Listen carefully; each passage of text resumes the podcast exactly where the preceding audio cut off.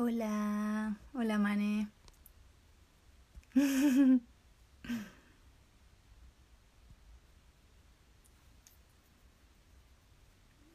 Vamos a hacer otro en vivo con el invitado especial, a pedido de varias personas.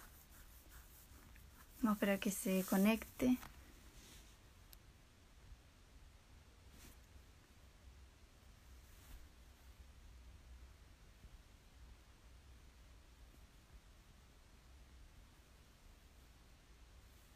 Hola José. Vamos a esperar que se conecte más gente.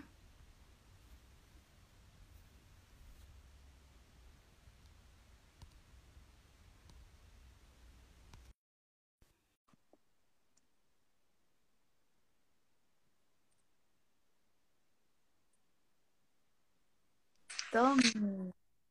Hola José. ¿Cómo estás? Bien, ¿y tú? Ese no es Tomás Valenzuela. El mismísimo.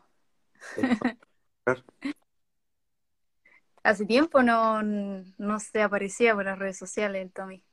Así parece. Eh, ¿Qué tal, Tomás? ¿Cómo estáis? ¿En qué andáis? Grande Tommy. ¿Cómo has estado tú? ¿Qué tal tu día de lluvia?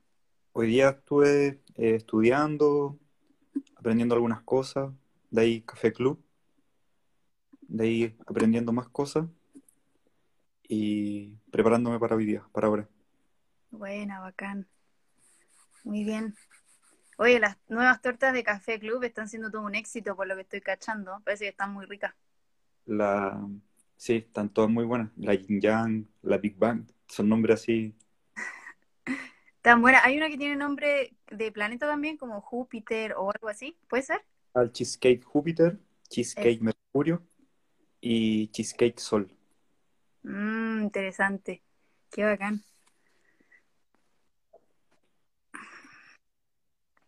Bueno, vamos a esperar que se conecte un poquito más de gente. Dale.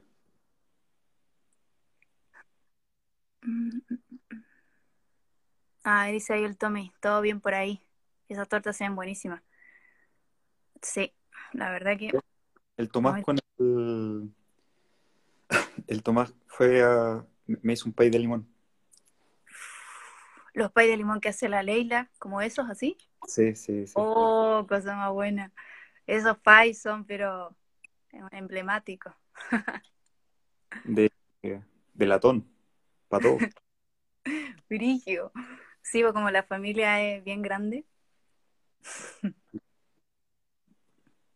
Oye, ya, el tema de hoy, que me tinca mucho, es hablar sobre el amor y cómo entendemos el concepto de amor y que nos cuentes tú también los tipos de amor que, que existen para, para entender bien de qué se trata esa palabra o, o- y para poder utilizarla a favor.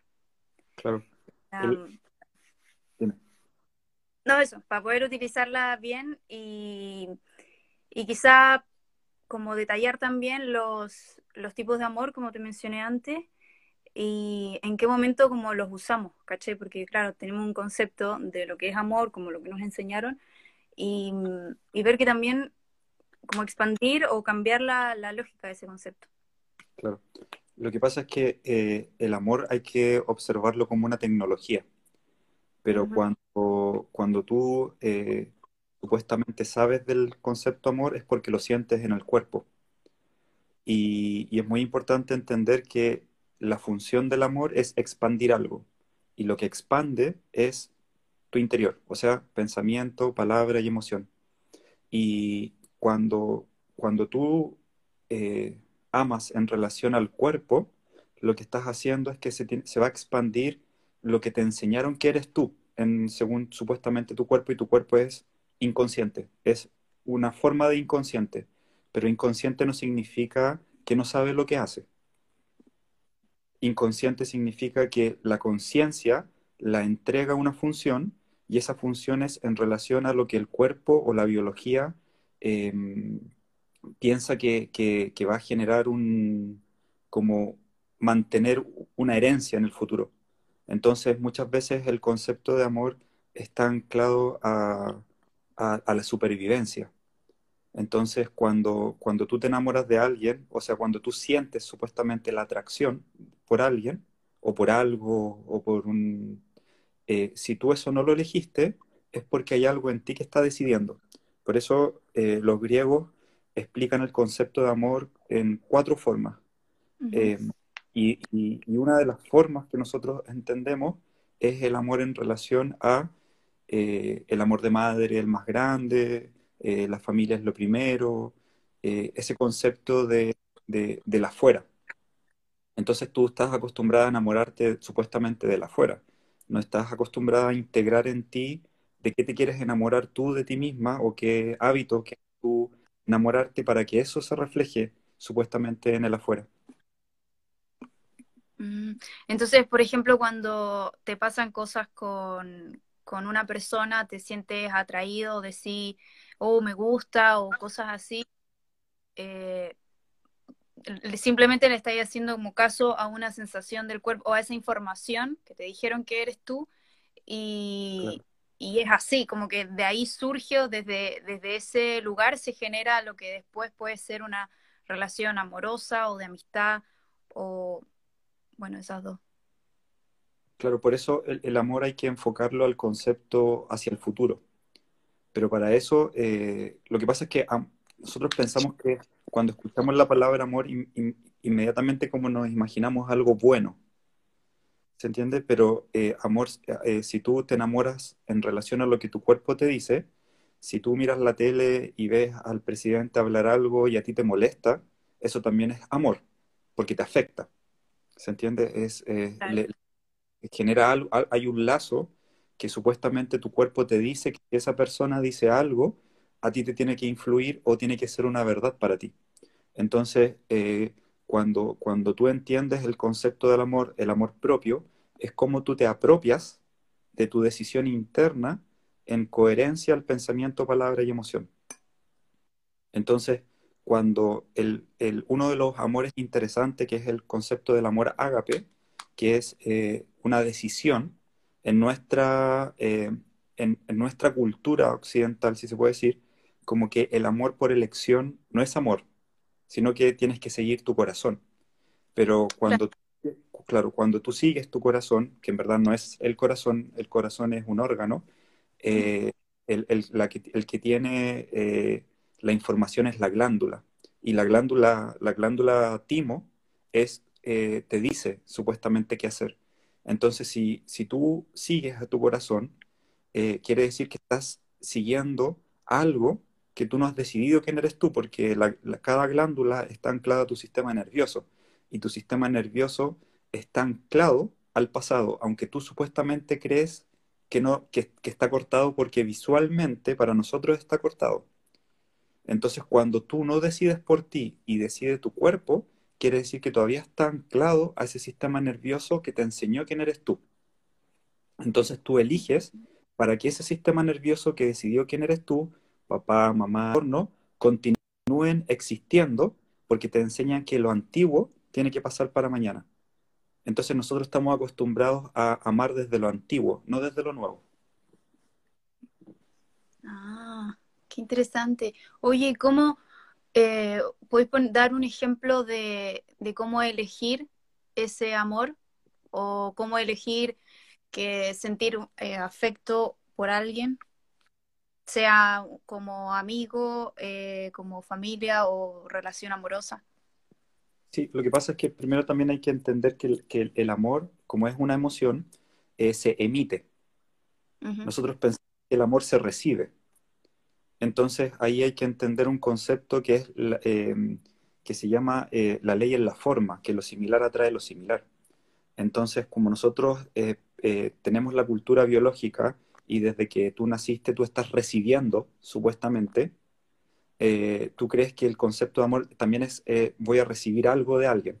Entonces tú estás en ese vacío piloto automático del concepto de me enamoro de que tiene un vacío. Entonces, eh, muchas veces cuando tú te enamoras de, que, de alguien que supuestamente llena un vacío, como tú te das cuenta, es por necesidad. Por ejemplo, si esa persona está, tú te sientes bien, y si esa persona no está, tú te sientes mal. si esa persona te dice que te quiere, tú te sientes bien, y si esa persona te dice que no te quiere, tú te sientes mal. Entonces ahí tú evalúas que estás decidiendo por, por necesidad. Mm. Oye, y la, por ejemplo, cuando hay personas que, que atraen en, en las situaciones amorosas, que atraen parejas, eh, por ejemplo, que las maltratan o que no las pescan, o que las pescan al principio y después no, o, cosas de situaciones de infidelidad. Entonces, eh, todo eso se tendría que revisar como para saber por qué está pasando, por qué estás atrayendo eso. O sea, claro, lo, que pasa es que hay, que hay que primero entender por qué se llegó a ese límite, de que alguien te pegue o de que alguien te, te mienta, pero, pero también lo que, lo que hay que mostrar que el concepto del amor, eh, más que, o sea, sí es cómo tú te relacionas con alguien, pero también el concepto del amor utilizado a tu favor significa cómo tú te apropias de decisiones en ti. De porque cuando, cuando, cuando tú estás con alguien, cómo funciona el universo o cómo funciona tu mente, tú no estás sintiendo algo por alguien. ¿Te entiendes? Si tú estás en piloto automático, esa persona te recuerda algo que te enseñaron que eres tú y tú mm. supuestamente una comodidad en tu cuerpo. Entonces, ah. cuando, cuando, cuando tú estás eligiendo por piloto automático, piensas que la persona, piensas que el dinero, piensas que la casa que te gusta te entrega esa sensación. Entonces tú, a ti te enseñaron que el afuera te activa sensaciones, te activa afectos. Entonces es un símbolo, porque imagínate que, que tú en esta cultura chilena o en esta cultura de acá donde nosotros estamos, si tú le das un regalo a una niña, por ejemplo, de 13 años, lo más probable es que lo acepte. Pero si tú vas a una cultura musulmana y le das un regalo a una niña de 13 años, quizás se ofende porque primero hay que preguntarle a la mamá, hay que preguntarle al papá. Entonces va a depender desde la cultura de dónde te enseñaron a ti, qué significa para ti ser tú. Entonces, si tú eso no lo has decidido, no has decidido quién quieres ser, constantemente te vas a enamorar, supuestamente, o vas a sentir lo que te permite continuar con el clan, lo que te permite generar una información en relación a lo que te contaron en historia familiar. Oye, qué interesante, qué bacán lo que estáis contando. Saludos a Andrés Rey, hablando de amor. hablando de amor. Andresito. Oye, a ver, aquí alguien puso. Amor, según el budismo, es desear felicidad suprema a la otra persona sin desear nada de vuelta. El deseo es cuando deseamos y tenemos y tenemos posee o sobre otra persona. Eso se convierte en apego emocional. Hay, bueno, hay varios conceptos del amor y claro, pero lo, que pasa es que tenemos, que entender que el, eh, no sabemos qué tipo de budismo está hablando. Habríamos que, habría que revisar su vida para ver cómo lo aplica ella. Pero porque lo que pasa es que nosotros inmediatamente pensamos, imagínate que tú le haces caso al budismo en el concepto del amor. Y, el budismo mayormente son monjes. ¿Se entiende? Buda, no era budista. ¿Me escuchas? ¿Se escucha? No. Ay, te perdí un momento. ¿Me escuchas? Ahí. ahí sí te escucho. Ahí ya. Me quedé en que em, Buda no era budista, pues era un monje, ¿eso dijiste? No, no, Buda era una persona, Buda es un estado de conciencia que cada uno lo podemos activar. El tema es que cuando nosotros escuchamos budismo, inmediatamente pensamos que es algo bueno. ¿Se entiende? O sea, habría que revisar qué tipo de budismo, cómo se aplica, cómo lo aplica en su vida para ver si es coherente con lo que está nombrando. ¿Se entiende? Porque el, si se puede decir, el de real deseo, el verdadero deseo, siempre genera desapego, porque deseo significa nuevo. Claro. Entonces, cuando, cuando para, para ti el deseo significa nuevo y tú te apegas, eso no es deseo porque no es nuevo. Eso es una necesidad. Entonces, eh, cuando, cuando tú crees que, el, que lo de afuera supuestamente te activa sensaciones en tu cuerpo, tú constantemente estás dependiendo del afuera. Necesitas tener el afuera, tener lo que represente o lo que esté de moda que te diga que significa amor, para tú sentirte de esa forma. Mm. Qué buena. Mira, aquí hay otro que, que pregunta, ¿cómo elegirme desde lo nuevo? Lo que pasa es que ahí tú tienes que entender que eh, primero eh, tienes que saber cómo funcionas. Cuando tú sabes cómo funcionas, eh, es más fácil manejar algo. ¿Se entiende? Cuando, cuando algo es difícil es porque no sabes cómo funciona. Entonces, elegirte nuevo significaría primero entender cómo funciona tu mente, cómo funciona tu cuerpo, generar una meta difícil, pero generar una meta difícil para activar información nueva, pero para eso hay que empezar a amigarse con el miedo, porque cada vez que tú quieres hacer algo nuevo, aparece, aparece el miedo, si se puede decir de alguna forma. Claro que ese miedo se podría decir como en, otras palabras que eso es información que está ahí, que está repitiendo o que, o que no hay cambiado. O sea, puede ser como obvio lo que estoy diciendo, pero al momento de ponerlo en práctica no es nada obvio. eh, es como cuando decís como, puta, ¿por qué estoy, me pasa todo el rato lo mismo? O estoy repitiendo todo el rato lo mismo, como que te caí al mismo hoyo todo el rato. ¿Cachai? Como que eso puede ser un tipo de información que aparece. Claro, lo que pasa es que nosotros pensamos, estamos acostumbrados que tú te tienes que enamorar de lo antiguo. Y nosotros, nosotros anclamos amor en relación a lo antiguo, no anclamos amor en relación a lo nuevo. Entonces, en tu cultura, amar, amar algo nuevo o sea, amar algo nuevo en verdad significa que tú, que tu amor propio, tú te apropies de un pensamiento nuevo y eso mantenerlo en el tiempo. Es un constante mantener un pensamiento nuevo en, el tiempo. Y ahí cuando, cuando tú eh, integras la semilla de lo nuevo y, el, y, tú dices, ah, ya, entonces, ¿cómo enamoro, cómo le digo a mi cuerpo que se enamore de lo que yo estoy decidiendo? Y para eso tengo que pensarme decidiendo quién soy primero. Pero esa decisión igual tiene que ser un constante cambio porque nosotros estamos acostumbrados a, tener dogmas con los pensamientos porque pensamos que tenemos características. Entonces cuando alguien dice es que soy muy despistado, eh, eh, ya está diciéndole al amor que eso se tiene que expandir porque eso él dice que es.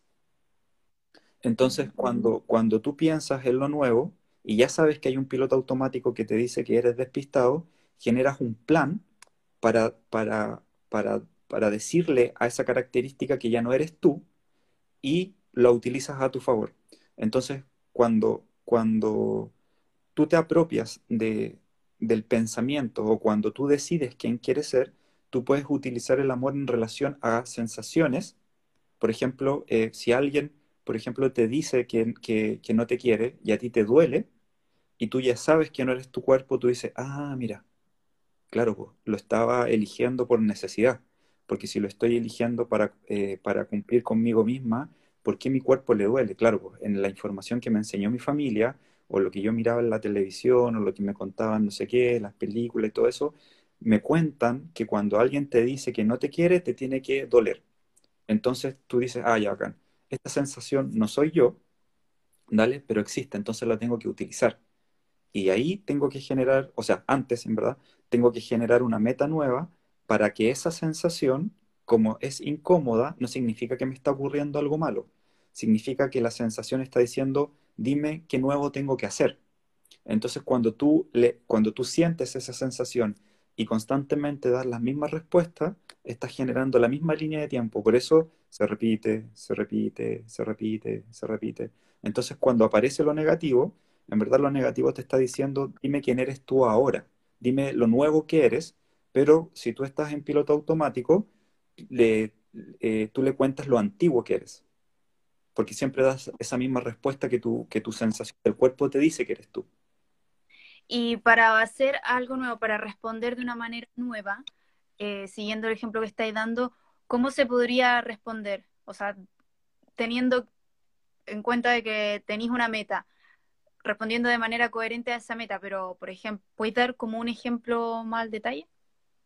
Lo que pasa es que no, no, no tiene que ver con un concepto más al detalle, tiene que ver con que yo no te puedo decir qué hacer. ¿Cachai? Ah, Entonces, claro, Claro, eh, tú primero tienes que saber cómo funciona algo. Cuando tú sabes cómo funciona y tú dices, ah, claro, pues todavía, todavía creo que no entiendo porque necesito un ejemplo de la vida de él. Ah, ya, ya. Entonces, eh, el- lo interesante de esto es que hay que enseñar libertad, no a qué pensar. ¿Se entiende? Porque el, el concepto de lo nuevo, como nosotros estamos acostumbrados a evaluar con lo moral, nosotros pensamos que algo bueno está anclado a un cierto tipo de características. Es que si alguien te grita y tú te quedaste callado, eres espiritual y eres buena. Pero tal vez sí tuviste que gritar. ¿Se entiende? Entonces, por eso, cuando tú, cuando tú te das cuenta que hay información en tu cuerpo que no eres tú y comienzas a dividirte de esa información, tú dices, ah, ya claro, entonces ahora, ¿qué tengo que actuar para lo que yo quiero lograr? Y ese es el, el camino interno. Pero el camino interno se inventa.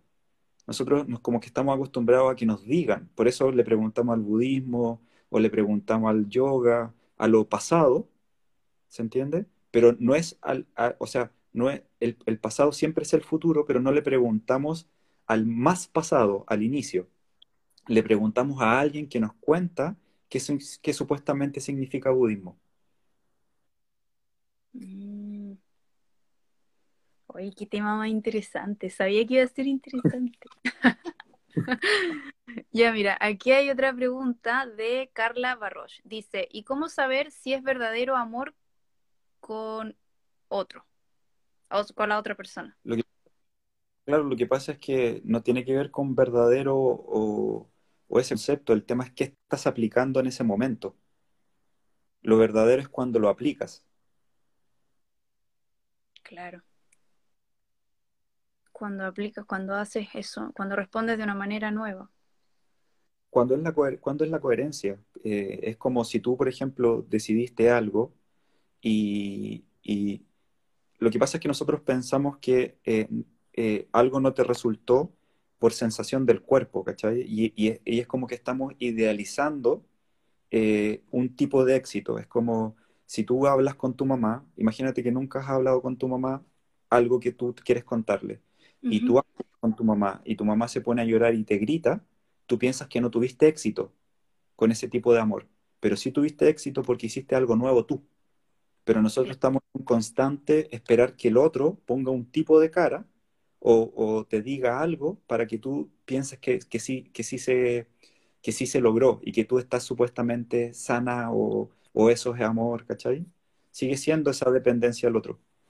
Es cuático eso. Yo, a mí me ha pasado estos días eh, y es cuático como esperáis todo el rato del otro, respuesta de la otra persona, sea amigo, familiar, el, eh, el pololo, lo, bueno, lo que, lo que sea, es cuático.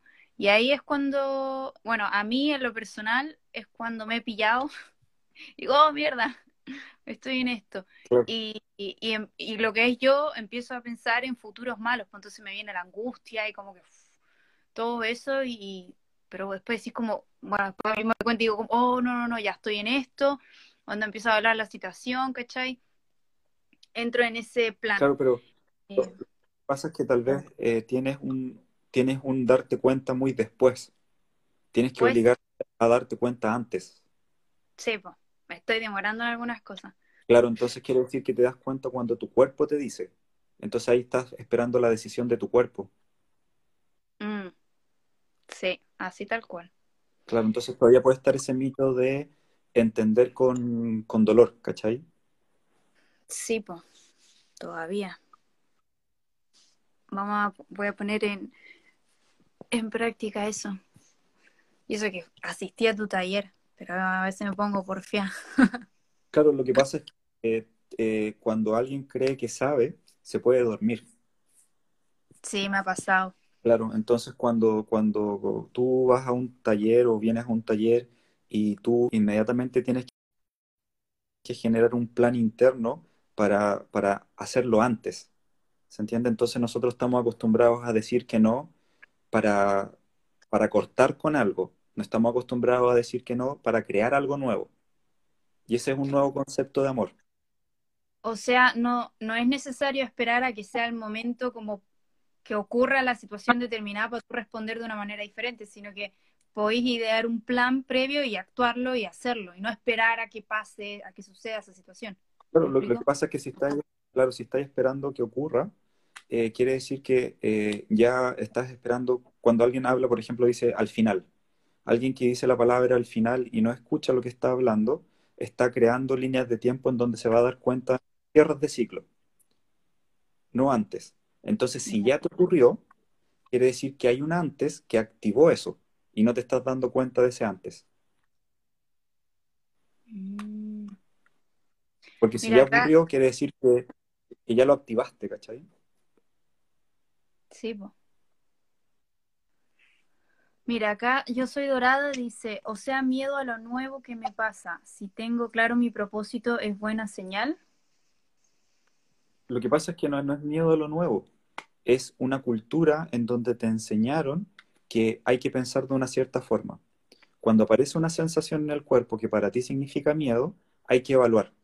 Porque a veces hay, hay tipos de miedo en donde tú tienes que, o sea, si aparece un perro y te da miedo, lo más probable que y te quiere morder, corre.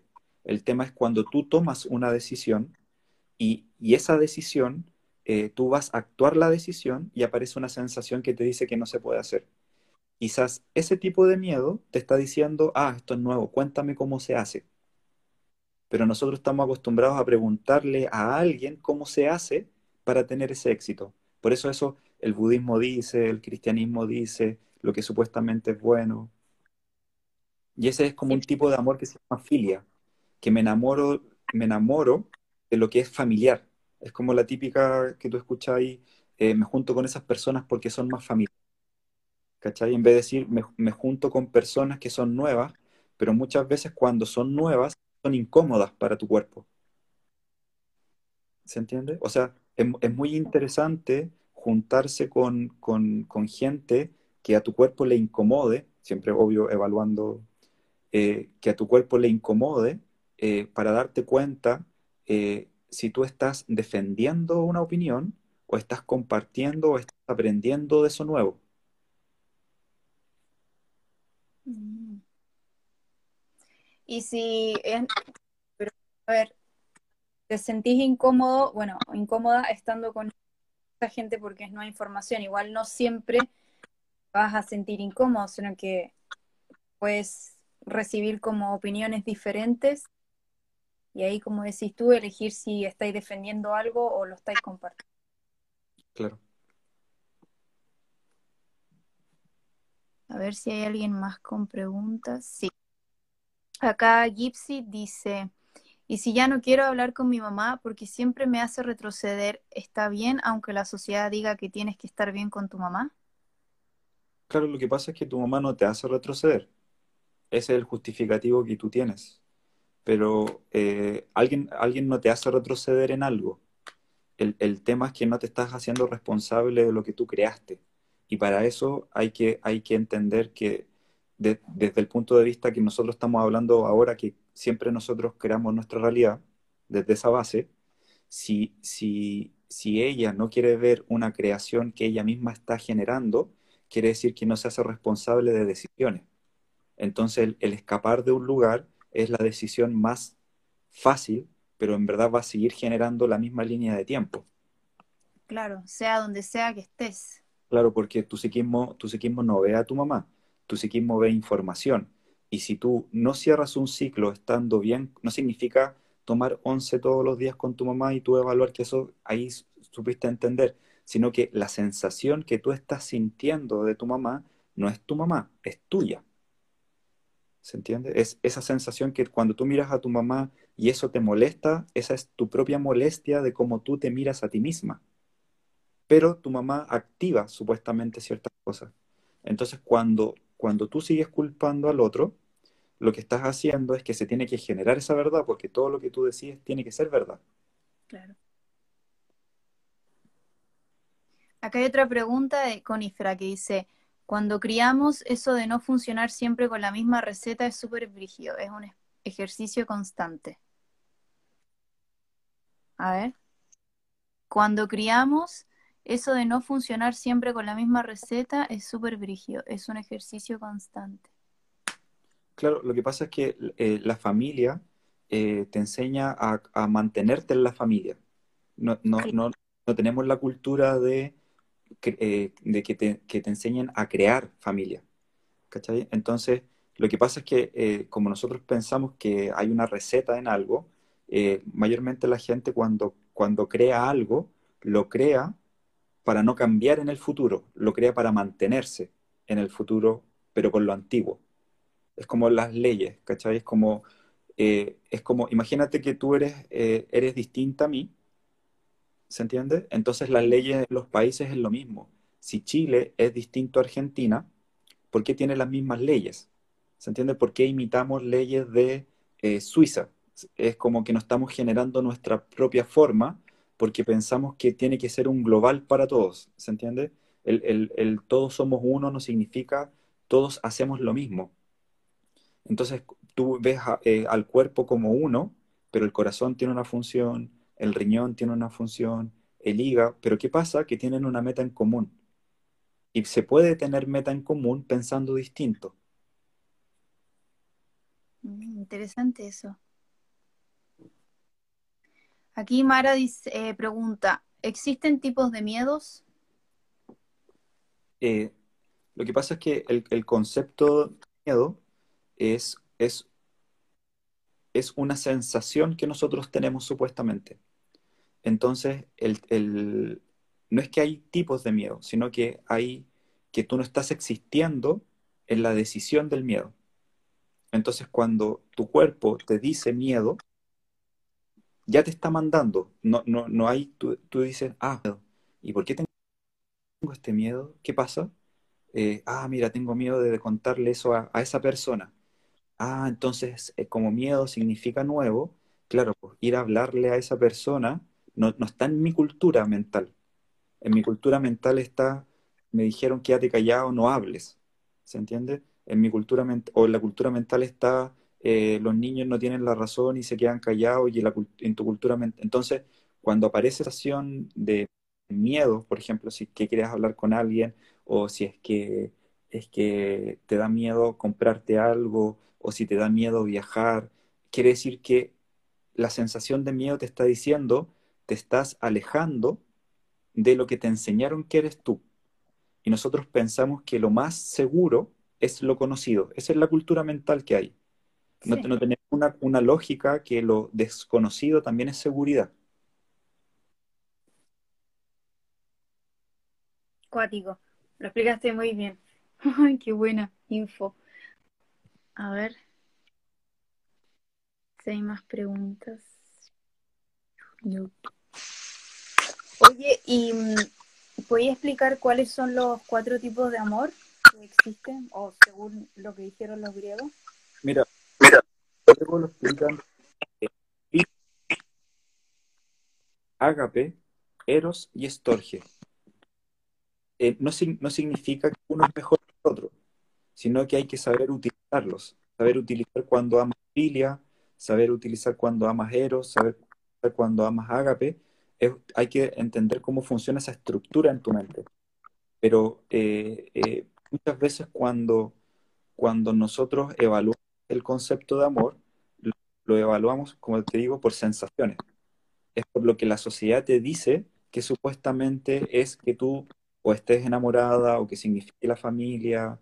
Entonces, eh, el tipo de amor que, que tú utilices va a depender de lo que tú quieres lograr Ay, ¿De lo que tú quieres lograr qué? ¿Qué? se- en, te- te quedaste- ¿Qué? De nuevo. en el momento, en, en el ahora, en no ese se momento, en el, en el ahora.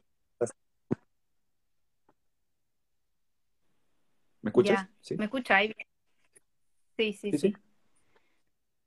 Oye, yo tengo una duda. ¿El amor estorge cómo funciona? El, el amor estorge es como una función entre eros y filia es como que te, te, la atención lo que te recuerda a tu familia. Mm. Entonces, por ejemplo, hay gente que para dejar a la mamá, o personas que para eh, se enamora de alguien que se parece a la mamá simbólicamente, entonces así tiene permitido. Ah, ya, entiendo. Mm. Se escucha bien, que ahí están diciendo que se escucha cortado a veces. ¿Se escucha, bien? bien? Pongan dedito para arriba si se escucha bien. Sí, se, se corta a veces. La internet. Mira acá, José, hay una pregunta de, de, la suerte que dice, ¿alguna sugerencia para trabajar el amor propio como la aceptación? Claro, lo que pasa es que primero para aceptar tienes que decidir qué aceptar. Mm. ¿Qué? Que ese, lo que pasa es que el amor propio eh, eh, es cómo tú te apropias de tus decisiones. Claro, y como mencionaste antes, y has mencionado en otras ocasiones también, el amor expande. Entonces expande todo eso que, que tú sientes, sea de valor. ¿Mm? ese, esa creencia de que el amor todo lo cura, eh, ya quizás no, es, no funciona así. Ah, no, no, no, no dije eso. Si cacho que... Me refiero, ah. me refiero al concepto de amor, porque la gente piensa que ya cuando habla de amor propio, piensa que significa bueno.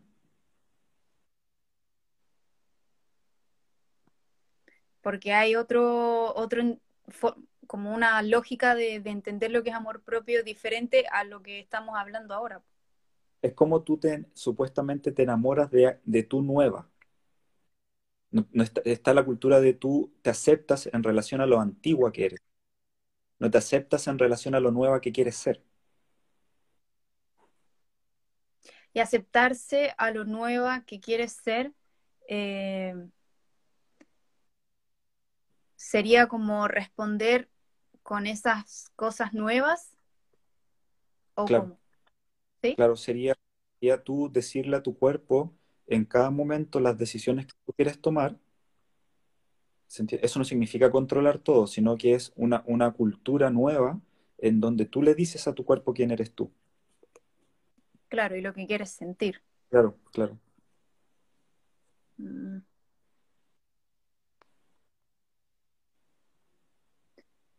Perro del Perry pregunta, ¿cómo aceptar el amor externo? Lo que pasa es que el amor externo en verdad no existe.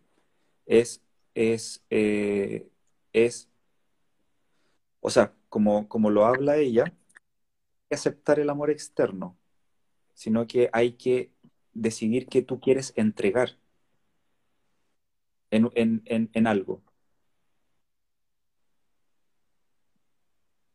Y ahí sería por ejemplo, eh, si tú tienes una relación con alguien eh, y, esa historia es nueva, que tú quieres regalarle a la conciencia, generando una nueva forma en ti con esa relación. Ay, qué buena esa. ¿Eso es lo mismo o, no de cuando, cuando decides que quieres aprender de esa nueva relación? Claro, lo que pasa es que tú tienes que, tú tienes que decir, eh, con esta relación, ¿qué nuevo voy a regalarle a, la info, al consciente colectivo? Entonces, ahí, ah. claro, de ahí tú tienes que generar una estructura en donde, primero, si aparece esa persona, preguntarle concretamente qué significa amor para esa persona, para que tú escuches si es coherente con lo que eres.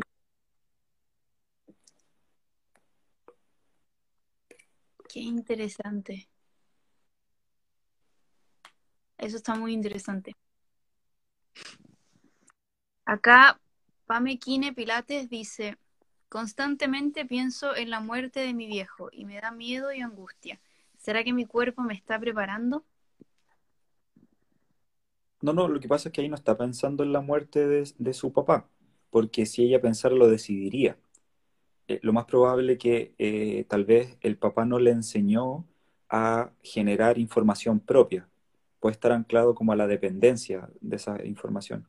Entonces, eh, y es súper interesante porque nosotros pensamos que la muerte se genera desde afuera hacia adentro, pero todo desde la física cuántica te dice que se genera desde adentro hacia afuera. Entonces, lo que se murió no fue su papá, fue el cuerpo, el cuerpo cambió. entonces quiere decir que lo que, lo que ella está, como ella lo está pensando, lo está pensando como una necesidad y no lo está pensando que aprendió del papá. Cuando tú piensas lo que aprendiste, ahí estás generando un atributo. Entonces pueden haber historias en donde antes, o su papá pequeño, en donde hay, pueden haber historias de abandono o historias de decir que no es igual a dolor. Entonces cada vez que ella piensa en su papá y le duele, no está pensando en su papá, está pensando en una desvalorización que ella tiene y que no ha decidido qué hacer con eso, qué aprender con eso. Wow. Qué acuático, qué bacán. Me siento como pollito nuevo aprendiendo, como la primera sesión con el José. Estás como... Ay, qué buena. Oye, sí, sí. Más que pollito. Sí, bacán. Mm, sí, en verdad sí. Mujer nueva. Me siento como mujer nueva escuchando al José. Oye, gente, ¿les gusta lo que estamos hablando? ¿Qué les parece? A ver si quieren comentar algo. A ver, acá hay otras preguntas. Dice para Rose, dice, ¿cómo ocuparnos, cómo ocupamos nuestro, nuestro favor en este proceso de generar lo nuevo? Claro, pero lo, lo que pasa es que si ella dice degenerar, no significa generar. Pero para ocupar el cuerpo primero tiene que saber cómo funciona. Claro.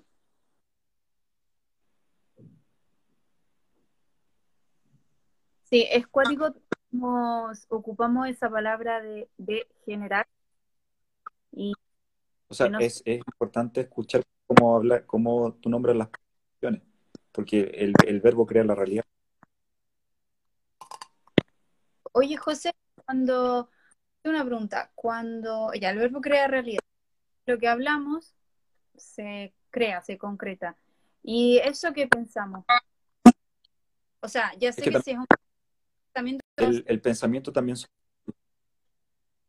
¿qué? De nuevo, ¿se escucha. sí, ahí sí. También, ¿Me dijiste lo del pensamiento? sí, te pregunté que, el, que algo dijiste del pensamiento. Claro, lo que pasa es que el pensamiento también son historias. Un pensamiento es una historia, algo que te está contando una información. Entonces, el pensamiento también es, también se escucha. Una cosa es que no lo escuches con tu oído, humano, no significa que no está vibrando. O sea, pensamiento en verdad es todo. El- el- nosotros pensamos que pensamiento significa el cerebro.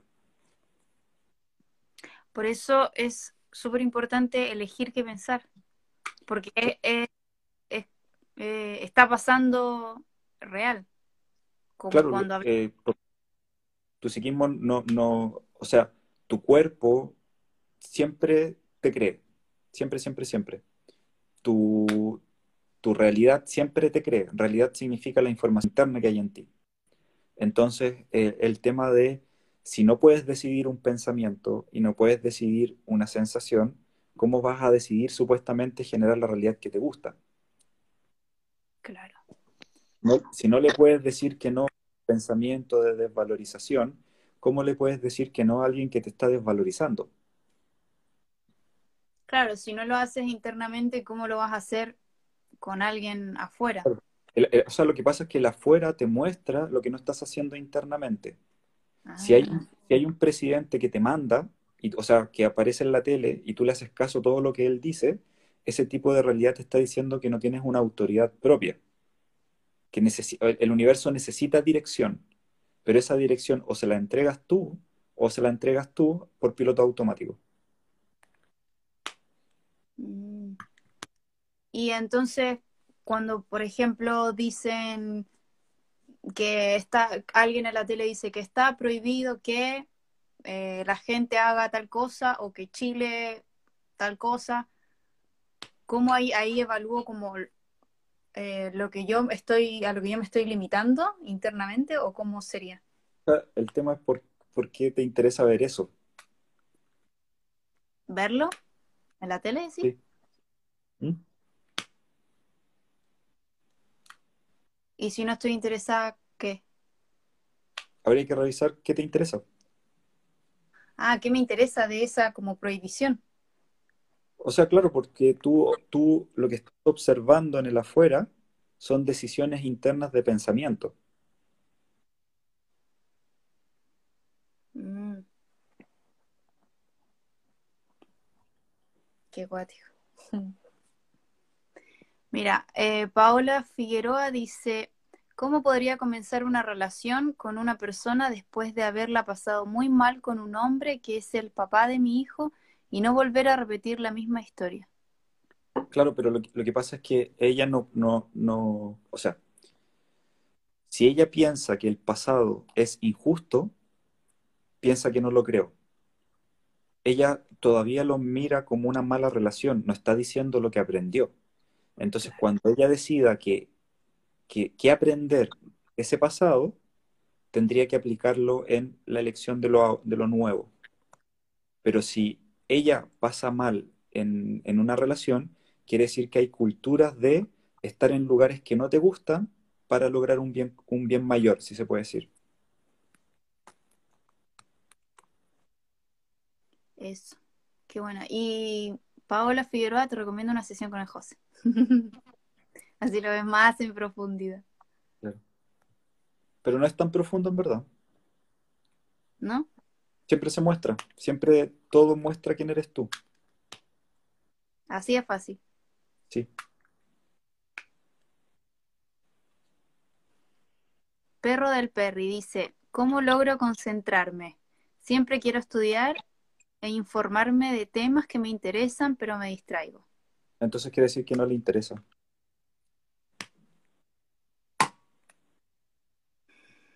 Si tú quieres algo, lo haces. Es como, es algo concreto. Entonces quiere decir que esa forma de querer ya no le conviene elegirla. O sea que cambie su manera de querer. Es, es un, es un, es un políticamente correcto para no asumir decisiones. Entonces, eh, cuando algo te gusta, lo aplicas. Tú aplicas lo que te gusta. Claro, Puedes sentirse cómodo o incómodo, pero lo que tú aplicas, eso tú le estás diciendo al sistema universo que te gusta.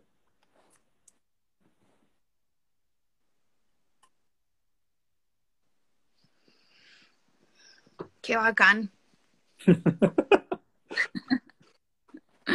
Creo que voy a ver este en vivo otra vez, cuando quede guardado.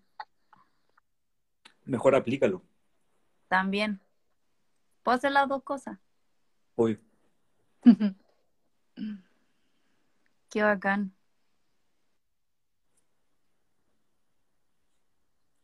José Lucio, dicen por ahí.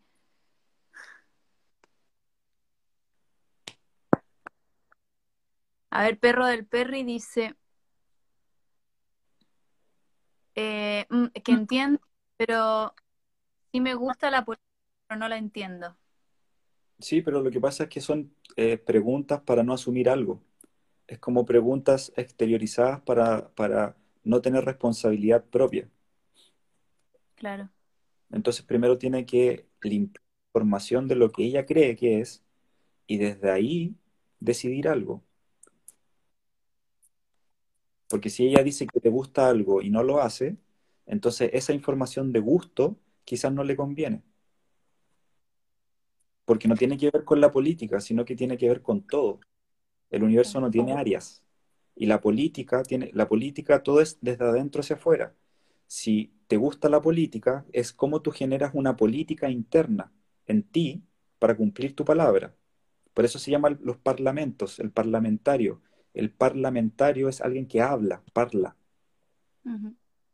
¿Se entiende? Entonces, ¿cómo tú eres la parlamentaria o la política interna o tu propia presidenta que, eh, que se genere en tu interior? Y eso va a mostrar en el afuera la supuestamente política que supuestamente ella cree que le interesa. Pero si le interesa la política desde el afuera, es porque tal vez necesita que, la- que le digan qué hacer. Porque en sus preguntas ella está preguntando qué hacer. Claro. Y ahí sigue lo que hablábamos hace un rato, de esperar lo de afuera, que te Claro. entreguen. Claro, entonces cuando alguien hace una pregunta sin evaluar, es un constante creer que no entiende, entonces por eso necesita hacer preguntas, preguntas, preguntas, preguntas, preguntas, para no aplicarlas.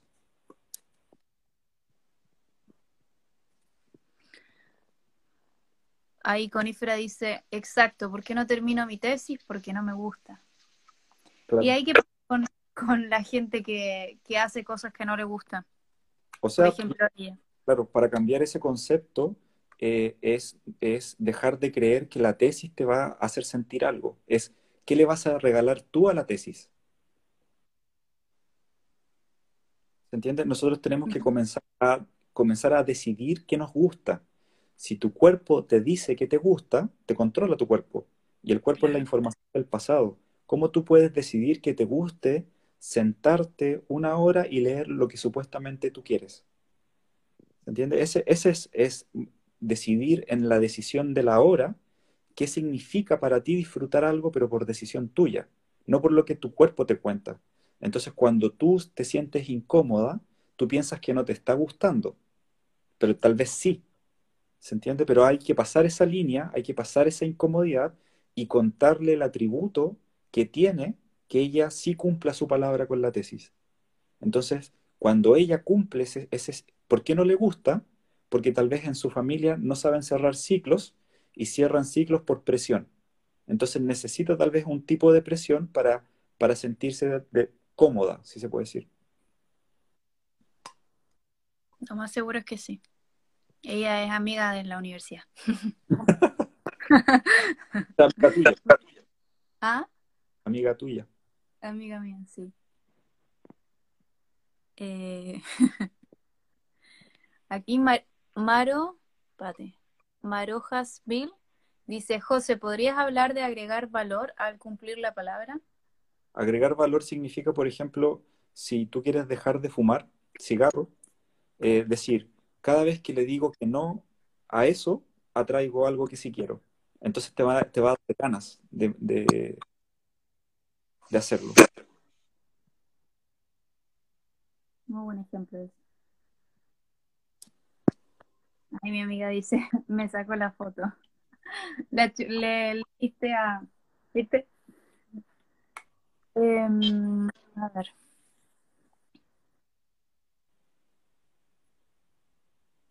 ¿Qué pasa cuando te gusta algo, pero te da inseguridad realizarlo?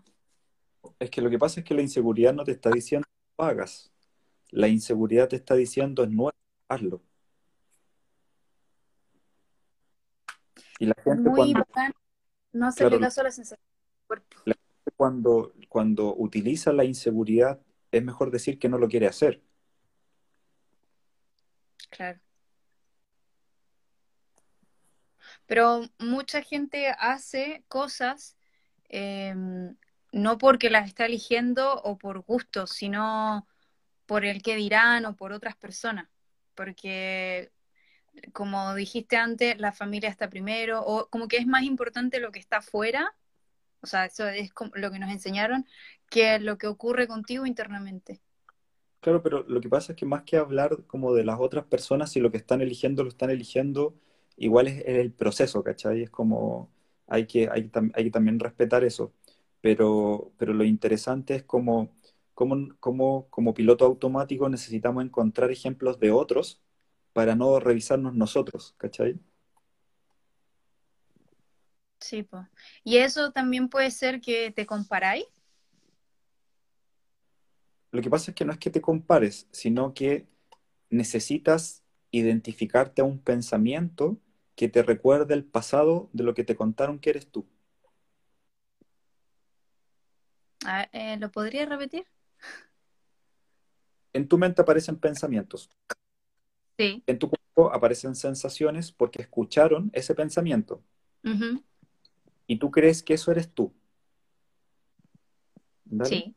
Si tú crees que eso eres tú, es identificarte, o sea, es encarnar eso y actuarlo porque eso te recuerda a lo que tu familia, eso es como lo que te une a tu familia. Claro. Entonces, tú imitas mentalmente, verbalmente, emocionalmente, lo que tu familia te dice que eres tú. y imitas lo que ellos tienen y también imitas lo que ellos no tienen. Por ejemplo, si tu familia no tiene seguridad, tú imitas a través de la, inseguridad cuando aparece, te está diciendo, eh, esto es nuevo, entonces lo anclamos la palabra. Inseguro significa que la seguridad o la confianza está en tu interior.